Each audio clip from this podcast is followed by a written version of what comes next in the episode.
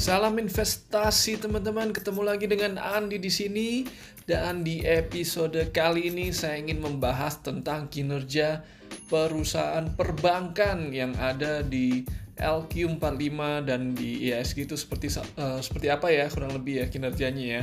Penasaran penasaran juga nih pas mau buat podcast ini uh, dan saya menemukan beberapa hal yang menarik untuk kita diskusikan ataupun saya sharingkan.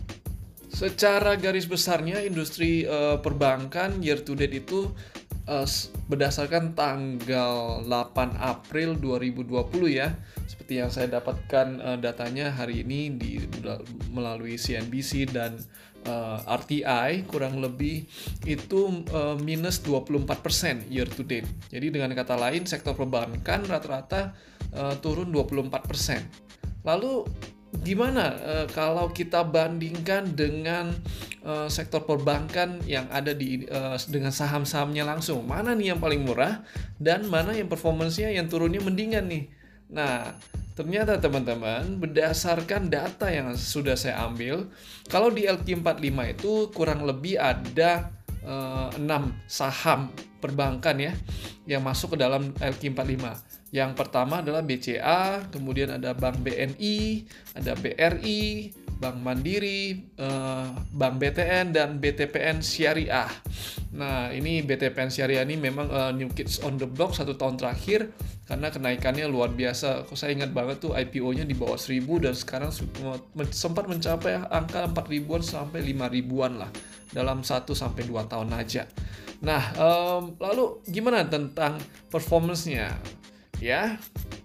Jadi ternyata dari enam perbankan yang saya sebutkan tadi, the best performance ataupun yang turunnya paling sedikit ya. Tadi kan sektor rata-rata uh, sektor perbankan minusnya 24. Ternyata BCA minusnya yang paling mendingan yaitu minus 15% dibandingkan uh, uh, 5 perbankan yang lainnya.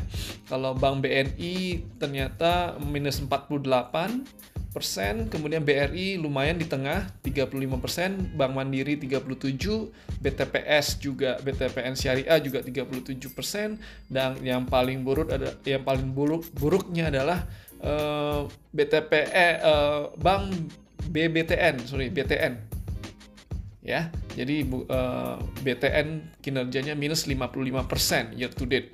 Hampir double dari uh, uh, dari average ya perbankan uh, di di Indonesia ISG ya. Lalu kalau kita analisa by performance saja, menurut, menurut saya ya, kalau menurut saya uh, cenderung enam perbankan yang ini harusnya lebih perform dibandingkan um, dengan perbankan yang lain. Tapi saya melihat ada perbedaan um, gaya bisnisnya mereka ya. Contohnya yang paling survive kenapa BBCA uh, eh, mungkin kita tidak bisa pungkiri bahwa Bank BCA adalah uh, sa salah satu bank yang paling liquid dan investor asing juga banyak suka uh, investasi di di saham ini investor asingnya uh, karena mereka menganggap bahwa uh, BCA ini cukup uh, efisien dan efektif banget. Dia contohnya apa? Kita kalau buka tabungan di BCA uh, karena ini lebih ke transactional banking. Jadi semua aktivitas di sini banyak lebih transaksional dan kita kalau taruh uang di BCA kita nggak pernah ingat bunganya tuh. Padahal nggak saja uh, apakah dapat bunga atau enggak kayaknya dipotong administrasi bisa-bisa bisa jadi gedean administrasinya. Nah, dan dan di sisi lain karena dia costnya rendah, uh, dia memberikan kredit lebih leluasa. Jadi untuk kompet untuk compete di di KPR, di KPM, kredit kepemilikan mobil, rumah dan uh, kredit SME, small medium enterprise dan yang lain-lain untuk kredit dia kayaknya lebih punya power bargaining power dari segi uh, bunganya juga. Dan menurut saya BCA juga kan dia cukup konservatif ya dalam memberikan kredit. Jadi itu salah satu kenapa alasannya uh, dia uh, masih mendingan lah ya turunnya cuma 15% year to date sampai hari ini. Kalau kita lihat yang paling buruk, uh, saya nggak mau bahas uh, per detail menurut ini terlalu banyak ya. Kalau menurut saya BTN terkait ya mungkin um, karena BTN kan terkait ada perubahan manajemen juga dan um, kan BTN lebih fokus ke properti ya uh, subsidi pemerintah. Jadi menurut saya sih sekarang uh, mulai uh, investor cenderung menghindari saham ini dan lebih memilih untuk uh, menjual karena apa ya boro-boro kita mikirin properti uh, pemerintah boro-boro mikirin uh, subsidi uh, rumah dan lain-lain. Sekarang orang pemerintah lebih fokus terhadap penanggulangan COVID-19 dan gimana memberikan uh, bantuan tunai langsung uh, kebijakan fiskal yang bisa langsung ke pemer, uh, ke yang ke tingkat pengangguran yang in, ya ataupun tingkat pekerja yang informal. Contohnya tukang uh, uh, ojek online dan pekerja buruh yang yang yang uh, yang dihitung upah buruh harian dan lain-lain.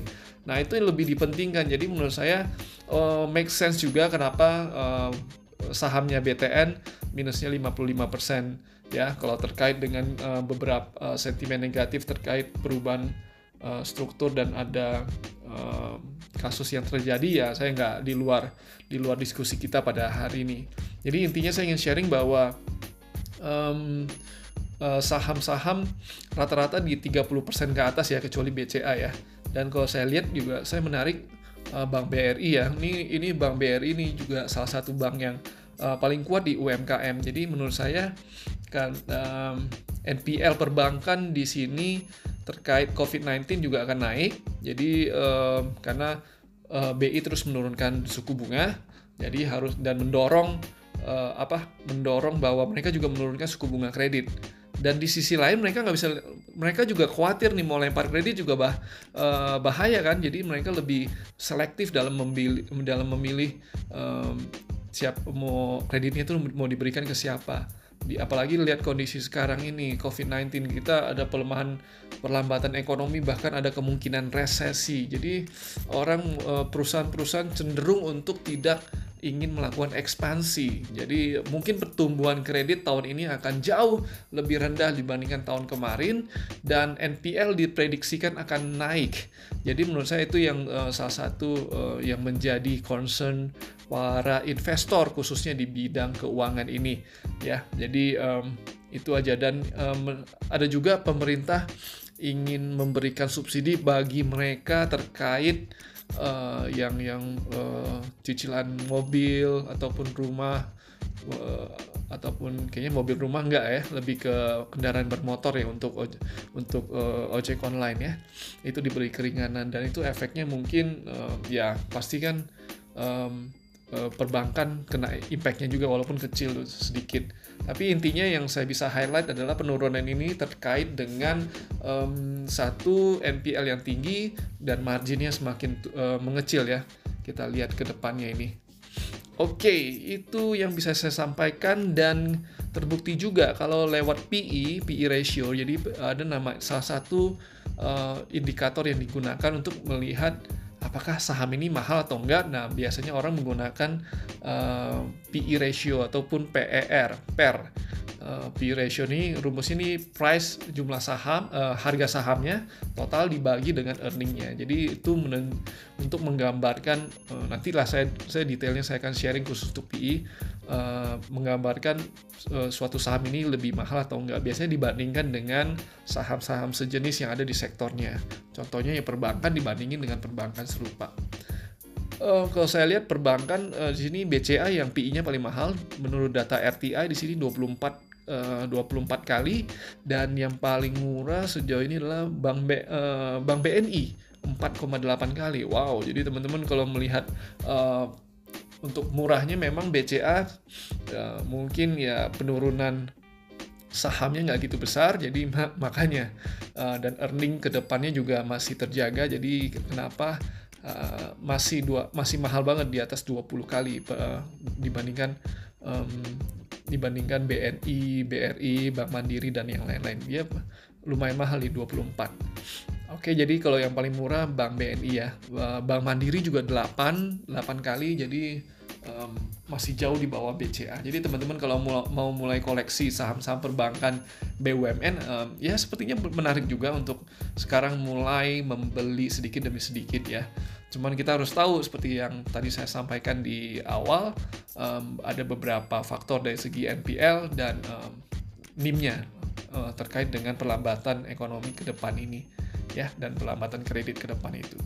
Dan uh, sejauh ini itu aja yang bisa saya sampaikan teman-teman. Kesimpulannya adalah um, di saham-saham per, uh, perbankan di RQ45 ini masih menarik. Jadi teman-teman biasanya uh, perbankan ini menjadi salah satu menjadi pilar ya di di ISG biasanya mereka akan menjadi penggerak yang utama juga karena dilihat dari valu apa valuasi uh, pasarnya cukup besar di dan porsinya cukup besar di ISG. Oke, itu aja dari saya. Saya Andi undur diri. Bye.